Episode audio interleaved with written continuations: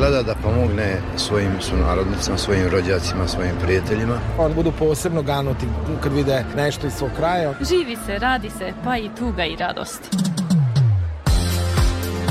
O iskustvima i postignućima naših državljana na privremenom radu u inostranstvu. Emisija Naši u svetu. Dijaspora poziva Maticu, Matica odgovara dijaspori. Granice ne postoje u mislima brižnih.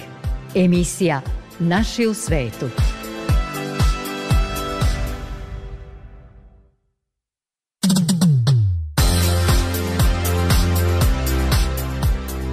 Poštovani slušalci, dobro vam veče. Sa vama smo u narednih 40 minuta sa sledećim pričama iz Matice i rasejanja.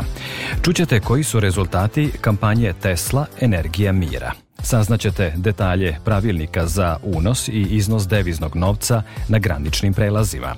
Tokom vikenda se očekuje povećan broj vozila na prelazima prema Srbiji, jer veliki broj sunarodnika dolazi na odmor u zemlju porekla. Sa nama će u emisiji biti Vranjanac Marko Nikolić koji se na poslovima fitness menadžera snašao u Kuvajtu, odakle učestvuje u mnogim humanitarnim akcijama za pomoć oboleloj deci u Srbiji. Govorimo i o našoj 96-godišnjoj umetnici Dobrili Čabrić koja živi na relaciji Beograd-Skoplje. Sa vama su večeras za tonskim pultom Nenad Sretenović, a pred mikrofonom Goran Pavlović. Nacionalni koordinator strateške kampanje srpske diplomatije Tesla Energija mira, ambasador Ljiljana Nikšić, predstavila je rezultate kampanje obeležavanja osam decenija kulture sećanja na Nikolu Teslu, a titulu Tesla ambasadora ponelo je 80 diplomata, kompanija, umetnika, novinara, medijskih kuća i pojedinaca iz Srbije i sveta, zaslužnih za očuvanje uspomena na jednog od najvećih umova čovečanstva. Jedna od inicijativa kampanje Tesla Tesla Energija mira u Teslinoj godini Teslinog naroda, Srba i Amerikanaca usmerena je na potrebu da se u Ujedinjenim nacijama ustanovi Međunarodni Tesla dan i pokrene godišnja Tesla nagrada. Pokrenuta je i inicijativa za osnivanje globalnog međunarodnog Tesla komiteta u kome će iz više od 100 zemalja biti imenovani članovi sa sedištem u jedinoj preostaloj Teslinoj laboratoriji na Wardencliffu u Americi sa ciljem dodele Tesla nagrade.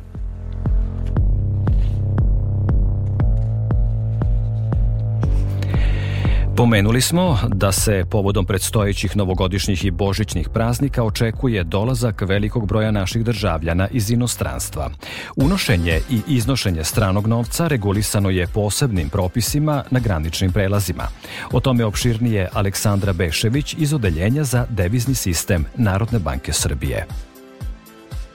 Prvenstveno da preciziramo da efektivni strani novac predstavlja papirni ili kovani novac koji glasi na stranu valutu. Prenos ovih sredstava iz inostranstva i u inostranstvo regulisan je propisima kojima se uređuje devizno poslovanje, kao i sprečavanje pranja novca i finansiranja terorizma, a svi ovi propisi dostupni su građanima na zvaničnoj internet stranici Narodne banke Srbije. Što se tiče unosa efektivnog stranog novca u Republiku Srbiju, Sva fizička lica mogu slobodno unositi stranu efektivu u zemlju, ali su dužna da sredstva iznad 10.000 evra po osobi, nezavisno od vrste valuta, prijave nadležnom carinskom organu na ulasku u zemlju, tako što će na graničnom prelazu da popune odgovarajući obrazac. Na osnovu popunjenog obrazca licu se izdaje potvrda o prijavljenim sredstvima koju su ona obavezna da čuvaju, budući da ukoliko ova sredstva kasnije iznose iz zemlje, to mogu da učine samo na osnovu ove potvrde koju prezentuju carinskim organima, a kojom se dokazuje da su navedena sredstva prethodno uneli u Republiku Srbiju. Naime, nadležni carinski organ pomenutu potvrdu poništava prilikom prvog izlaska iz zemlje, to jest ona važi jednokratno i ne može se koristiti više puta.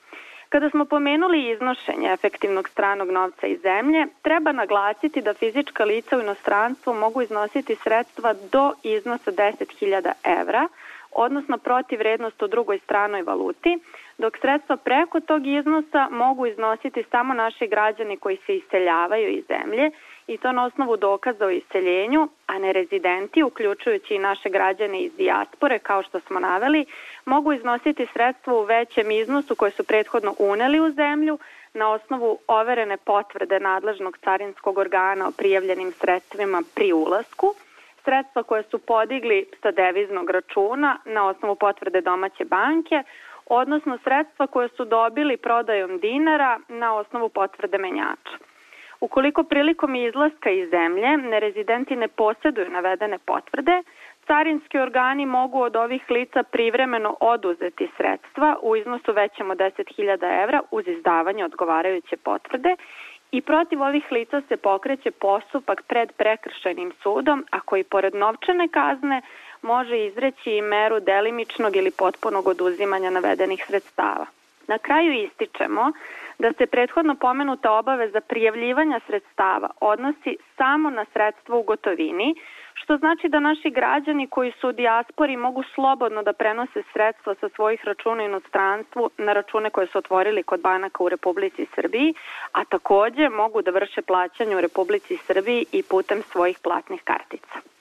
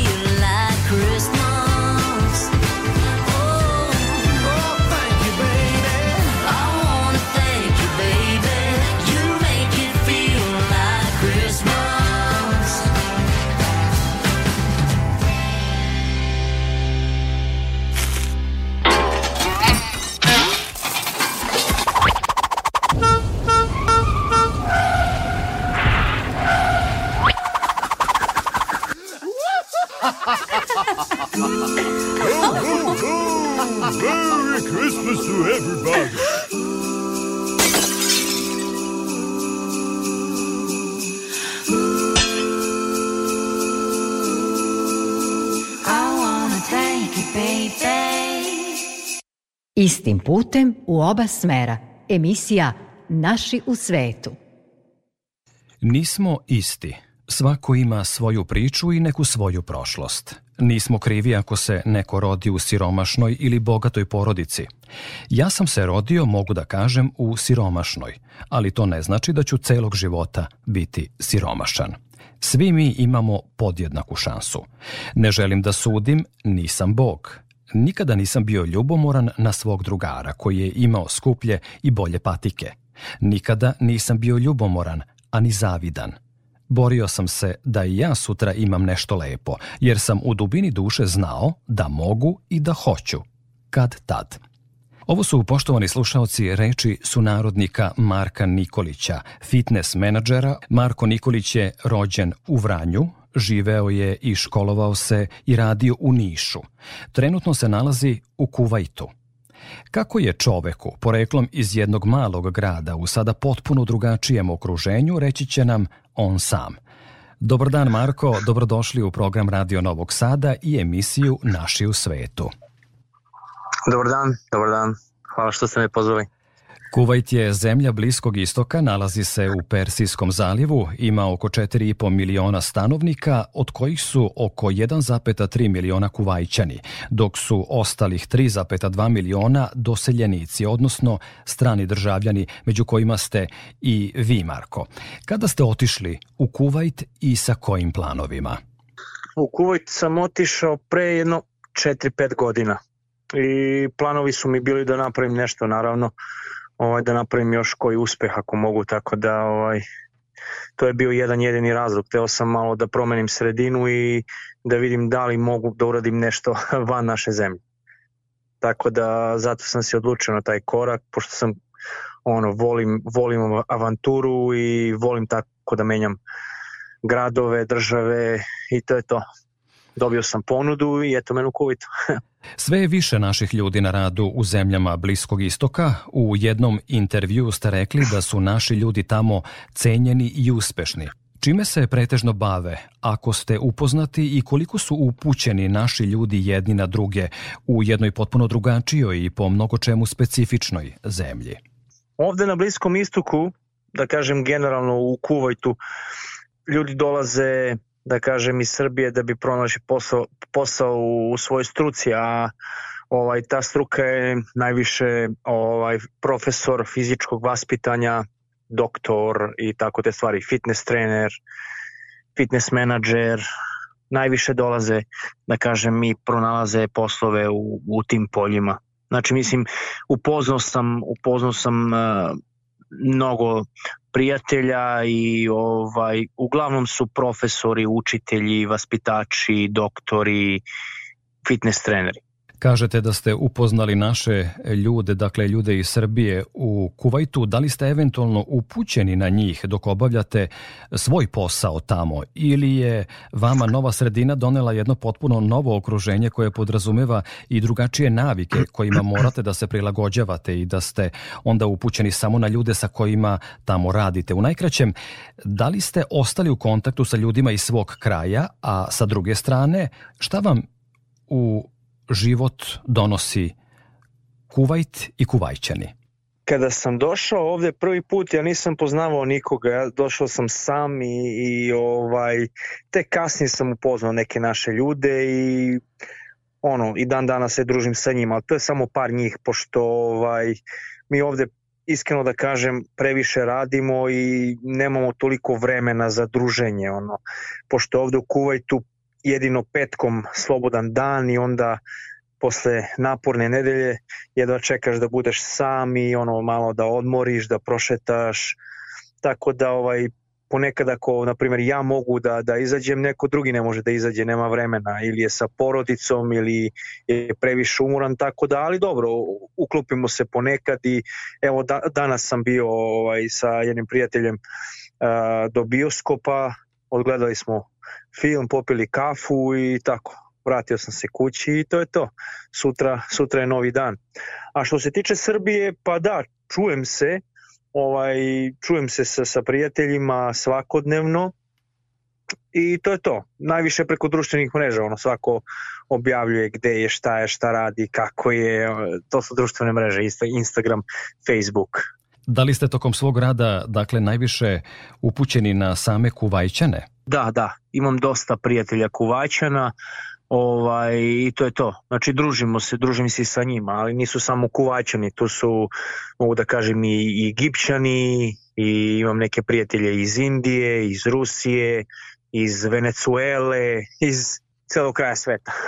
Dok ste bili u Srbiji, rekli smo, školovali ste se u rodnom Vranju, potom ste pohađali osnovne studije na Fakultetu za sport, gde ste bili jedan od najboljih studenta sa prosekom ocena 9.30. Završili ste i master studije, upisali doktorske.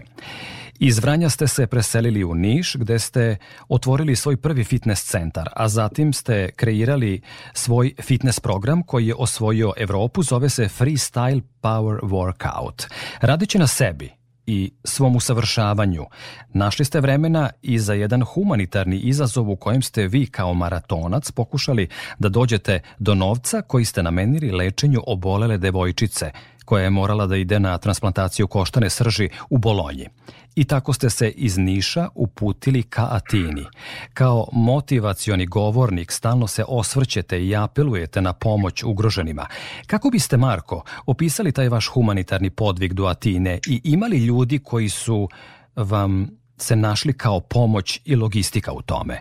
Da, imao sam logistiku, jer moj prijatelj i moja prijateljica, oni su krenuli sa mnom, pratili su me automobilom i sve je bilo ok. Tako da ovaj, mogu reći jeste, bilo je previše teško, naporno, ali na kraju smo uspeli. To je trajalo negde oko 22 dana koliko se sećam. Po ceo dan smo bili na putu, 8 sati, od ujutru do uveče, ovaj, hodanje, trčanje, noću smo spavali, budili se oko 7-8 ujutru i tako izgledao svaki naš dan, dok na kraju nismo došli do, do cilja, do Atine. I to je to. Mislim, sakupili smo uh, sva novčana sredstva negde oko 15. 16. dana pre Atine i onda smo posle preusmerili novac za lečenje, kako se sećam, jednog novinara iz Niša. To je bilo za njih 3-4 dana.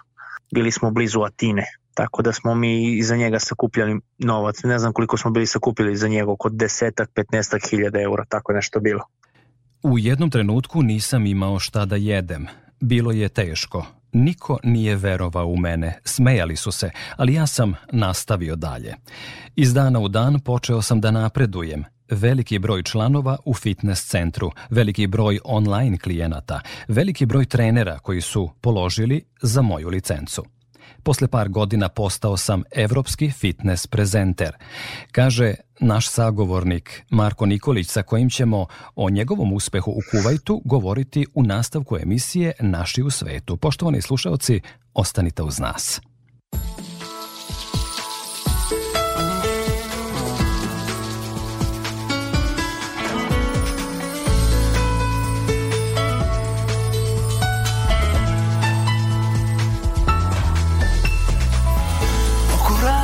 Nosim Lančić satkan od godina. Gde god da putujem Snove i sećanja U jedan kofer spakujem I čuvam Sjetnice što me čuvaju. Od uroka i zla Uvek prepoznajem I dušu otvaram Ljudima istim kao ja. Pa sve sam to već platio Slavnim suzama I tugu za tugu I bol za bol. Al nisam se Zbog toga kajao. Verujem Da Bog sve Sve moje zablude I dobro i loše I ljubav i greh. Al on mi je Oprostio sve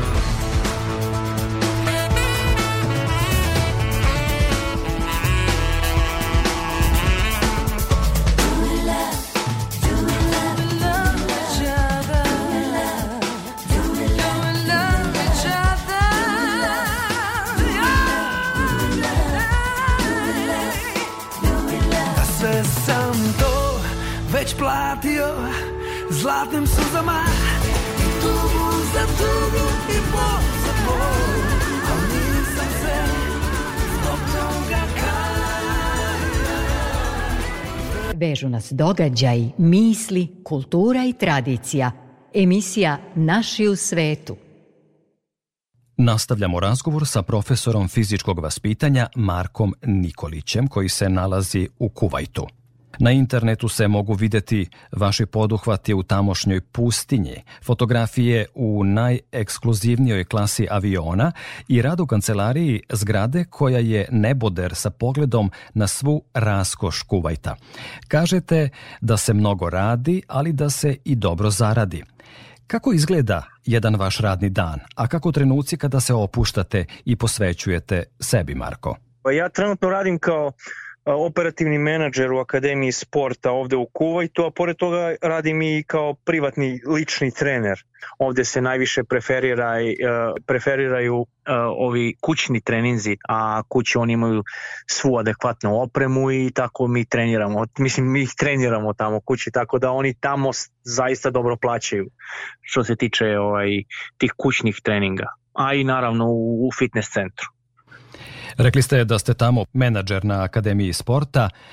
Kako teče saradnja sa Kuvajćanima? Kakvi su prema strancima? Kako gledaju na vas kao čoveka iz jedne manje sredine, jedne manje zemlje? generalno nas poštuju i cene. Najviše traže ljude iz, mislim, najviše traže ljude sa Balkana. Srbija, Hrvatska, Makedonija, Crna Gora. Da, najviše, da, sa, sa isto, iz istočne Evrope, tako da nas zaista dosta cene, ali e, sve zavisi od kompanije do kompanije. Neke kompanije su dobre, neke loše, sad sve zavisi od toga u kojoj kompaniji upadnete. Svoj uspeh inače nakon odlaska iz Srbije ilustrujete ne samo kroz fotografije i video prezentacije na internetu, već i kroz motivacione govore o uspehu uopšte. Tako recimo pominjete Gledaj samo svoj život. Nije bitno ko šta priča o tebi. Tuđa mišljenja su nebitna. Voli, ne mrzi, ne budi ljubomoran. Uvek pruži ruku slabijima. Nikad ne odustaj i ono najvažnije, sačuvaj čoveka u sebi. Kao jednog uspešnog čoveka u zemlji i svetu, koji svoj uspeh gradi isključivo ličnim angažmanom i talentom, pitam vas šta prema vašem mišljenju nedostaje čoveku u Srbiji da bi bio bolji, zadovoljniji i istrajniji? Pa nedostaje to prvo samopouzdanje i vera u sebe. Oni tu najviše gube, gube e, samopouzdanje i veru u sebe i uporno su tu neku volju gledajući sve te negativne stvari, slušajući negativne stvari oko sebe, e, sve više i više negativnih ljudi koji šire samo neku negativu. Tako da ja mislim da je to najveći razlog nekog neuspeha ili odustanja. E, pre svega kao što sam i rekao, kao što ste vi rekli, ono što sam što ste pročitali, ono što sam ja napisao, ovaj gledaj samo sebi, svoj put, gledaj svoj život, mislim tako se kreće. Ako mi gubimo tu neku životnu energiju na druge ljude, nikada nećemo uspeti, nikada nećemo ništa napraviti u životu. Ako smo ljubomorni, ako zavidimo drugima, mi se fokusi, fokusiramo samo na njihove živote, ne na naše. Mi zaboravljamo na sebe i gde smo mi krenuli, šta mi radimo, šta ćemo sutra, šta ćemo za 2, 3, 5 dana, mesec dana, godinu dana uraditi. To ljudima nedostaje. Sa nama je Marko Nikolić, koji je menadžer na Akademiji za sport u Kuvajtu, gde radi i kao lični trener. Nikada ne odustajete od humanitarnog rada. Gledao sam snimke na kojima vi radite korektivne vežbe sa decom koja imaju poteškoća u razvoju. Da li vam je to što ste i sami bili u problemu da sebi i svojima obezbedite elementarnu egzistenciju u mladosti, dok ste bili u Srbiji, a o čemu ste i sami govorili, da li vam je dakle to pomoglo da bolje razumete nedostatke i poteškoće u životu drugih ljudi? To što smo mi prošli, tako da mi to znamo i osjećamo i, i naravno da želimo da pomažemo drugim ljudima. Naravno, jer mi znamo kako je bilo ranije i znamo kroz šta smo sve prolazili. I znamo kroz šta prolaze ti mališani koji nemaju roditelje, koji imaju problema sa kretanjem, koji nemaju para, koji su siromašni, tako da ovaj to je to, to je jedini razlog i, i mi osjećamo to i naravno da želimo da pomažemo. Ne razmišljamo ni o čemu, samo, samo o tome da, da pomognemo kome je neophodno potrebna pomoć. Tako da, eto, ono, videli ste, radio sam sa, sa tim mališanom, sad taj, taj mališan hoda normalno i sve je super. Radio sam sa njim negde oko 5-6 meseci, bilo izuzetno teško, ali uspeli smo na kraju i naravno to mi ispunjava. To je, to je svrha života, da nekome pomognemo i da se posle na kraju osjećamo onako baš, da kažem, ispunjeno. Posvetili ste svoju snagu, svoj talenat, svoje znanje, svoju dobru volju da pomognete drugim ljudima. Rekli ste da u Kuvajtu nađete pomalo do duše i vremena za sebe i za odmor. Šta vam, Marko, nedostaje u Kuvajtu? Pa nedostaju mi prijatelji, nedostaje mi devojka, roditelji. To je ono najviše što mi nedostaje, a ostalo manje više. Ovde sam pronašao sebe i ovde ima nekih, da kažem, E, vrlina i mana i u Srbiji takođe vrlina i mana. Srbija je prelepa zemlja, prelepa priroda.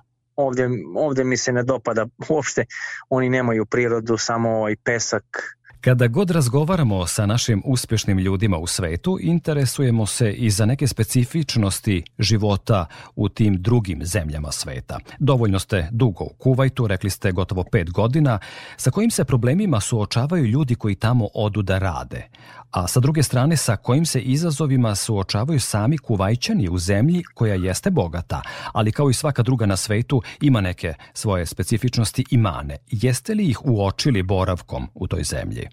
Pa jesam. Ja sam imao jedan veliki problem kada sam prvi put došao ovde, kada su me doveli. Uh, radio sam u toj nekoj kompaniji, nisam primio platu za, za jedan mesec i nisam primio neke bonuse za par meseci, to je ispalo negde oko 4-5 hiljada eura. Tako da, da su oni meni ostali dužni 4-5 hiljada eura i izuzetno je bilo teško zato što sam prvi put ovde, nikog ne poznajem. Jedva, jedva sam se snašao na kraju, ovaj, bilo je mnogo teško, razmišljao sam da se vratim kući, Uh, i onda sam stegao zube, rekao sam ne, ostaješ ovde, ideš do kraja, znaš zašto si došao i onda sam pronašao put nazad. To je ono što sam vam pričao malo pre, ovaj, neko može da se snađe, a neko ne može da se snađe i vrati se kući.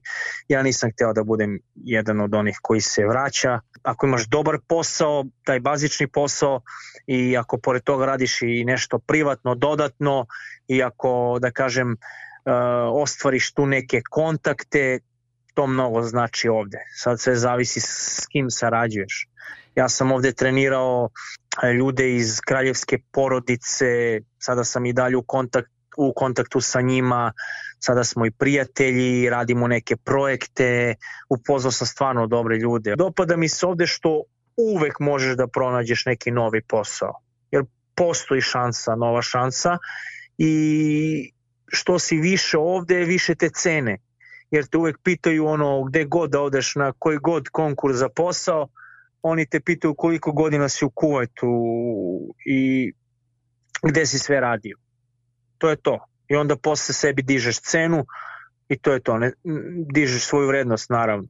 Rekao sam tokom ovog razgovora i ponovit ću, tragajući za našim uspešnim ljudima u svetu na internetu, došao sam do vaše životne i radne biografije koja mi je zaista onako izgledala impozantno i sada slušajući vas tokom ovog razgovora kako ste prosto puni optimizma i dobre vere i nade u život i u koliko ste upućeni u taj humanitarni rad i e, o svemu tome govorite sa jednom neiscrpnom energijom. Zaista mi je drago što smo se čuli i što od vas i naši slušaoci i ja kao novinar, jer čovek se uči dok je živ, može mnogo toga dobrog i pozitivnog da nauči. Marko, gde mogu da vas prate? Oni koji su se tokom našeg razgovora zainteresovali za ono što vi radite. Naša je misija da, osim što predstavljamo naše uspešne ljude u svetu, da ih i povezujemo sa onima u matici koji su željni novih saznanja i životnih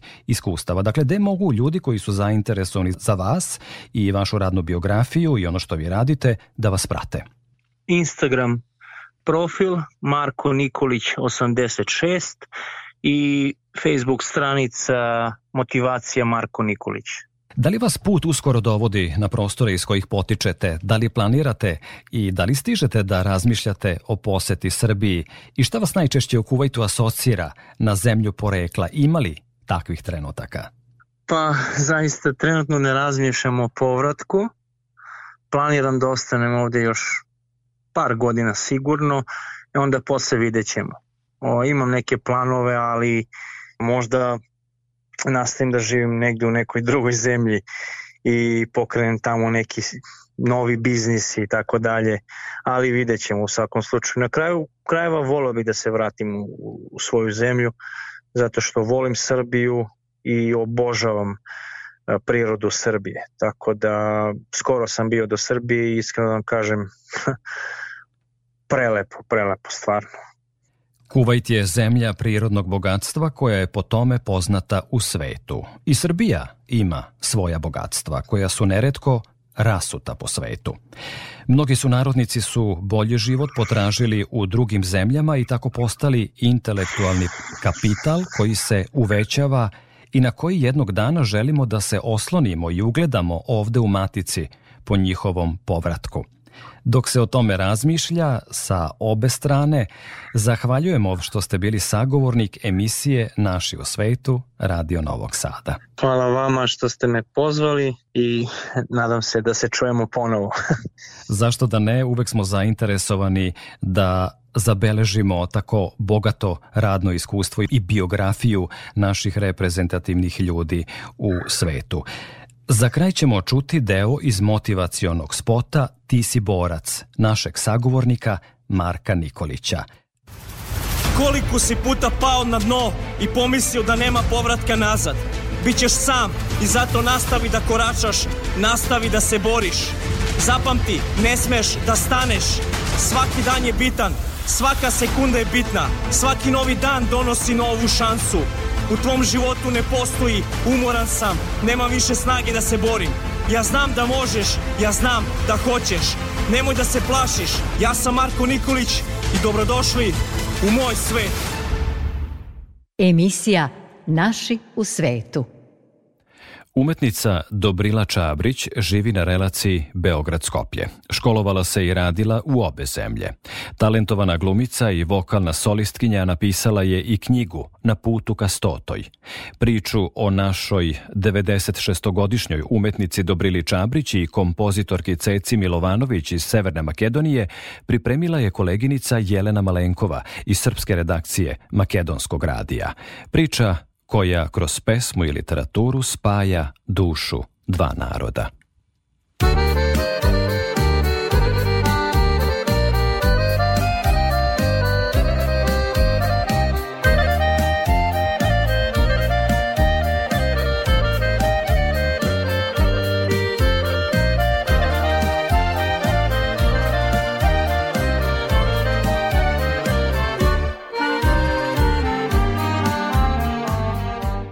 Poštovani slušalci, gosti u našoj večerašnjoj emisiji su CC Milovanović, autorka, i kompozitor nove pesme Ja još uvijek nisam rekla sve i gospođa Dobrila Čabrić koja peva ovu pesmu. Postala je popularna pored svojih glumačkih ostvarenja u emisiji Nikad nije kasno, a sad sa 96 godina još uvek svesno razmišlja, razmišlja o lepim stvarima, o koncertima, nastupa u mnogim emisijama, a ova pesma ja još uvijek nisam rekla sve je najnovija i ovom pesmom čestita svima lepu 2024. godinu, želi puno zdravlja i ljubavi svima i u narednim minutima govore zajednički o ovom lepom projektu. Hvala i vama na pozivu. Evo da se prvo predstavim. Ja sam Ceca Milovanović Sjekloća i u nekim muzičkim krugovima to ime baš i nije tako nepoznato jer sam nekoliko puta učestvovala na festivalu Valandovo sa svojim pesmama. Ja inače i, i muziku i tekst pravim za svoje pesme, a najčešće aranžman pravi uh, naš profesor poznati Živojin Glišić, tako da je ta ekipa ja mislim da je dovoljan razlog za uspeh pesama kao i do sada, a evo ova pesma koju je otpevala gospođa Dobrila Čabrić je stvarno nešto nešto lepo i m, priča o njoj, baš je pesma napisana u stvari za nju. Kad sam ja pročitala njenu autobiografsku knjigu, podstrek ja napišem pesmu za nju i ta je pesma i sam naziv pesme govori o dobi, o njenoj energiji, nepresušnoj energiji i može da nam bude primer svima kako da se život voli, kako da se ide kroz život, kako da se i kad se padne da se opet ustane i da se krene dalje sa još više energije, sa još više snage. Knjiga njena se zove Na putu ka stotoj. Išla kroz Srbiju, ona promovisala knjigu i da tamo ima jako dobar odziv, a na osnovu te knjige napravljena je i ova pesma i takođe sa naslovom Ja još uvek nisam rekla sve i zaista Dobi još uvek nije rekla sve, a ona ima toliko još toga da nam da sa svojom uh, energijom, da jedno divno stvorenje koje ja kažem ako dovoljno voliš život i on će tebe da voli. Tako je slučaj i Dobi, ona voli život punim plućima i, i, i život voli nju. Evo, sa svojih 96 godina ona može mnogima od nas da bude primaš. A to je poruka, to je poruka pesme kao da, kao da dobi svojim životom nama hoće da prenese tu svoju poruku da a, treba život da se voli, što god da se desi u životu treba a, da, se, da se ide dalje, ali kroz ljubav celo vreme, zato što je to a, ljubav je osnovna okosnica. Vi ste imali priliku da napišete puno tekstova za različite pevače, naravno na svim festivalima poznatim u Makedoniji. Spomenuli ste Valandovu i sve druge festivale. Kako dolazite do inspiracije? Pa, inspiracija. Mislim, čovek možda nađe inspiraciju u svemu što ga okružuje, samo da ima žar, da to a, prenese kroz, kroz lepe reči, kroz note na, na papir. I ja imam puno pesama i mhm. tekstova i muzike. Ima nekoliko pesama na Valandu sam učestvovala sa jednom pesmom. Bila je posvećena mom mom ocu, stari moj, otpevala je Merima Njegomir, što mhm. je bilo 2018. Pero Hristos dva puta nastupao na Valandovo sa mojim pesmama, naravno opet komplet muzika i, i, i tekst. Anima Linkova je otpevala. -huh. jednu 2017. Tako da tu ne stajemo, idemo dalje. Podjednako pišem i na makedonskom i na srpskom jer su mi oba dva jezika onako baš... Uh, Skladna? Moje ali što kaže dobi život je pred nama. Dobi nam je odličan primer i, i ja sam srećna što sam je upoznala Evo je tu pored mene. Da. Ja bih volila naravno i sa gospođom Dobrilom Čabrić da porazgovaramo. Ova najnovija pesma Ja još uvek nisam rekla sve je dokaz da, da vi stvarno uvek imate nešto da kažete i da pokažete iskustvo Da, ja sam otišla u Beograd e, da, na slavu kod Jagode Krletić, isto moja koleginica koja je pevala u Nikad je kasno, mi se družimo. I kad su čuli da sam u Beogradu, odmah me je pozvao grad magazin, imala sam intervju. I ja sam tamo ispričala priču o pesmi, ali nisu bile tehnički uslovi tehnički uslovi da, da, da se emituje, pa su me naterali u, u, u živo da je, ako ništa drugo odrecite, jer je tekst jak. Stvarno je Cesa napravila, ona je inspirisana mojom knjigom i napravila je pesmu zaista onako, nekako nisam imala mnogo vremena da obratim na nju toliko pažnju, imala sam drugih preokupacija, tako da otišla sam iza Dojran, ona je bila uporna, uporna i meni se ta njena upornost do, dopala, rekao pa ako je tako uporna, Boga mi to treba poštovati, ajde da se ja angažujem oko, oko nje i tako prihvatim da mi to, da to snimimo. I snimili smo, evo, napravili smo jedan hit koji je preko noći planuo u Srbiji, celo Užice se treslo, tako da, da sam sretna zbog toga.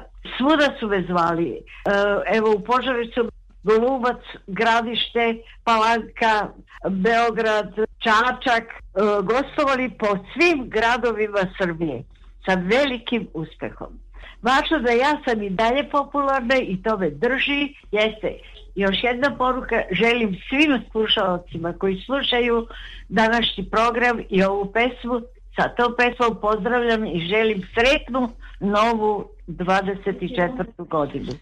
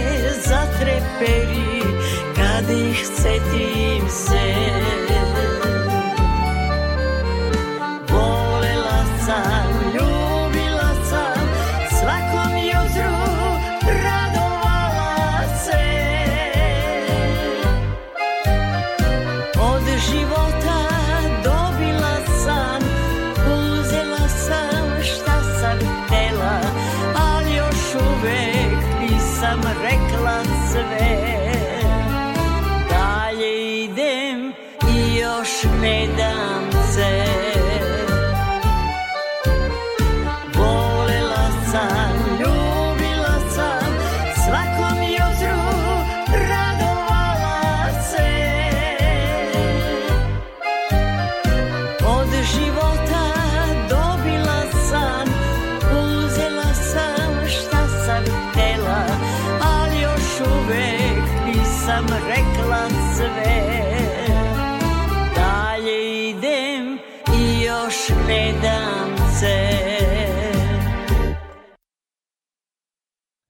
Zahvaljujemo kolegama iz srpske redakcije Makedonskog radija na svim čestitkama za nastupajuću 2024. godinu i za ustupljen ovaj prilog o našoj umetnici Dobrili Čabrić iz Severne Makedonije. Poštovani slušalci, toliko u večerašnjoj emisiji o vezi Matice i dijaspore – Ukoliko narednih dana planirate put za praznike ka zemlji porekla, želimo vam srećan put i dobro nam došli. Sve informacije u vezi sa emisijom potražite na Facebook stranici Naši u svetu RTV. Čujemo se za nedelju dana u terminu od 19.05. Hvala na pažnji.